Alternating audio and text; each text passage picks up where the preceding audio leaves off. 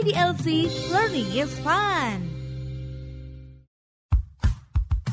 Halo good people, jumpa lagi bersama saya Iqbal Aristio di podcast bersama IDLC. Hari ini aku ngobrol lagi nih sama Mbak Glena. Halo Iqbal. Halo Mbak Glena, apa kabar nih? Baik, baik, baik. Kita hari ini mau ngobrolin apa Ik? Wah, ngobrolin topik yang tentunya masih hangat setiap dari masa ke masa pokoknya ini Hangat topik terus ya. yang hangat terus ya. Oke, hari ini kita pengen ngobrolin seputar waris, tapi ini dari sisi yang agak beda. Nah, ini topik kita hari ini yaitu kalau mencoret ahli waris gitu bisa nggak sih Mbak Glenn? Misalnya Hmm, kayak hmm. wah ini orang tua punya anak emas, yang satu lagi anaknya ini dibenci gitu. Hmm. Enggak, ah, saya nggak mau mewariskan harta saya ke dia. Itu bisa nggak sih Mbak Glenn? Nah iya bener banget tuh Ik. Aku sering juga dengar tuh apalagi kalau misalnya eh, orang zaman dulu nih ya terutama orang keturunan eh, atau orang Chinese gitu ya. Misalnya kamu kalau nggak ngelakuin kayak gini nggak mama coret gitu kan. Kamu nggak Waduh. nerima warisan, nggak kenal gitu kan. Aduh. Langsung waduh pakai pengumuman koran gitu Ik. Oh. Nah tapi sebetulnya kalau hal seperti itu itu nggak bisa Ik. Jadi kita nggak bisa dianggapnya kalau dalam istilah pewarisan itu dikesampingkan. Nah itu tuh nggak bisa Ik. Karena eh, yang namanya eh, kita ahli waris itu semua tuh ada dilindungi secara hukum juga. Ada yang namanya hak mutlak, legitimum porsi. Nah jadi nggak bisa dicoret gitu aja Ik. Oh, itu kalau misalnya apa legitimate porsi Mm-mm, itu sama rata gitu kalau misalnya punya dua anak gitu Hmm, apa nah jadi itu ada bagian-bagiannya tersendiri. Hmm. Misalnya kalau anaknya cuma satu, berarti bagiannya sepertiga. Kalau ada Hmm. dua, berarti dua per tiga.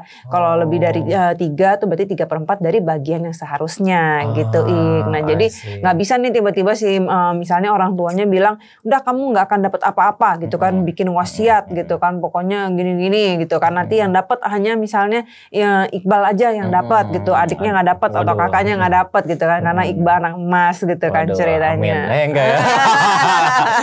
Diaminin parah banget sih kamu Ik. enggak enggak ya. Nah, tapi Mbak Glenn kalau gitu dalam apa kalau mewariskan sendiri itu bisa nggak kalau misalnya satu anak itu ya meskipun yang dua-duanya dapat tapi satu lebih banyak gitu dapatnya bisa nggak? Hmm, sebenarnya hal-hal seperti itu bisa aja Ik. Hmm. Nah, jadi misalnya pem- pembagian warisannya eh, karena orang tua merasa kayaknya eh, Iqbal yang lebih ini deh, kayaknya lebih butuh atau misalnya Hmm. eh, ada pertimbangan lain. Contohnya misalnya Iqbal kan anak bungsu nih, eh, Hmm. kakak-kakak yang lain pada waktu nikah udah dibagiin nih, misalnya udah dikasihin Hmm. harta. Nah, nanti dipesenin nanti Iqbal dapat ini ini ini. sebenarnya itu boleh. Nah, Oh. cuman nanti yang penting harus diperhatikan adalah nggak boleh melanggar eh, batas maksimum pemberian itu loh Ik. Oh. Nah, jadi karena nggak boleh melanggar juga dari legitimum porsinya tadi bagian mutlaknya. Jadi nggak boleh misalnya ya Iqbal doang dapat uh, 90% gitu. Nah, yang lain cuma 5% 5% Hmm. gitu. Nah, kalau kayak gitu nggak boleh. Oh. Mendingan pemberian secara uh, waktu masih hidup. Jadi langsung dihibahkan aja langsung udah dibagi-bagi gitu. Oh. Ik. Nah, tapi kalau misalnya menghibahkan sendiri, misalnya berarti pas masih hidup mungkin udah langsung kasih semua hartanya gitu Mm, bisa mm, Glenn? Bisa, bisa. Jadi langsung secara uh, waktu masih hidup langsung diberikan gitu loh. Hmm. Langsung uh, kepada anak satu, anak dua, anak tiga. Jadi udah dibagi. Nah, Iya. nanti sisanya pada uh, pada waktu uh, misalnya almarhum meninggal baru diwasiatkan. Nanti sisanya gimana gitu. Nah, itu Hmm. Iya. boleh kayak gitu, Ik. Iya sih, karena apa ya ini topik penting banget karena banyak yang suka mungkin jadi berantem karena ini karena ngerasa oh waktu itu kan ibu bilang itu buat aku doang warisannya, kamu kan nggak dianggap gitu. Nah, nah kalau kayak gitu makanya pentingnya dibuat wasiat secara tertulis. Nah, wasiat nah, jenis-jenis wasiat itu bisa didengar di podcast kita yang lainnya ya, Waduh, Ik ya.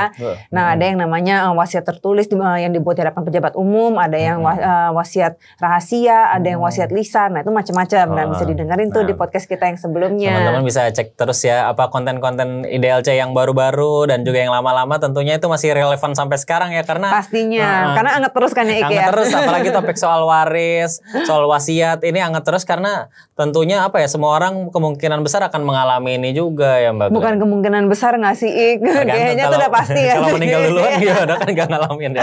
Oh, enggak gitu ya. Dan jadi pewaris kalau oh, gitu. iya bener juga bener bener bener. Oke, tapi ini seru banget sih Mbak Glenn topiknya. Iya pastinya. Jadi nggak sebenarnya kalau kita bicara tentang warisan, eh, kalau misalnya kita semua tuh baik-baik aja di antara semua para ahli warisnya setuju, itu nggak nggak ada yang inilah istilahnya nggak ada yang salah kalau memang sepakat.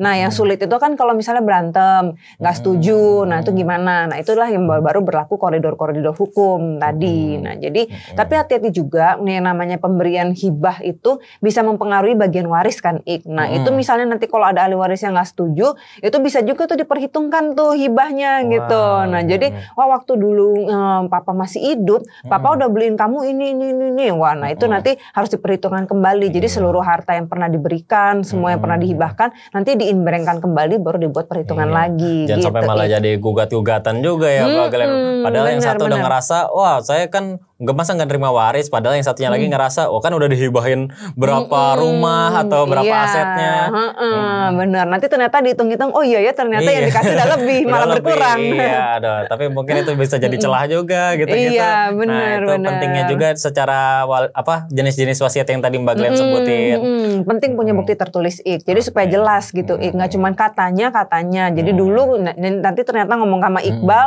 eh, ngomongnya A. Nanti sama yang eh, yang adiknya misalnya ngomongnya B gitu kan. Tapi nggak ada buktinya gitu. Nanti Iya. semua cuma saling katanya doang Itu gitu. yang jadi permasalahan ya. Nah, buat teman-teman mungkin uh, masih ngerasa ini tabu tapi juga perlu dibicarain mungkin sama orang tuanya, sama saudara-saudaranya dan juga terus dengerin podcast-podcast kita ya karena apalagi soal wasiat karena itu penting banget teman-teman ya untuk diaplikasiin di kehidupan Mm. kita sendiri juga. Benar, benar, benar. Karena jangan sampai kan namanya kita meninggal tuh meninggalkan masalah gitu ya, Wah, ya. iya, Mm, pengennya sih pasti semuanya baik-baik aja. Pastinya. Karena kan ini hukumnya diatur juga untuk tetap apa ya menjalin Supaya rukun semuanya, rukun. benar, Nah, benar. Wah tapi asik banget loh Mbak Glenn ngobrol-ngobrol kita Mm-mm. kali ini. Oke. Makasih banyak ya udah sharing. Sama-sama Iqbal. Ya, oke. Sampai Makasih yang udah nonton. Sampai jumpa.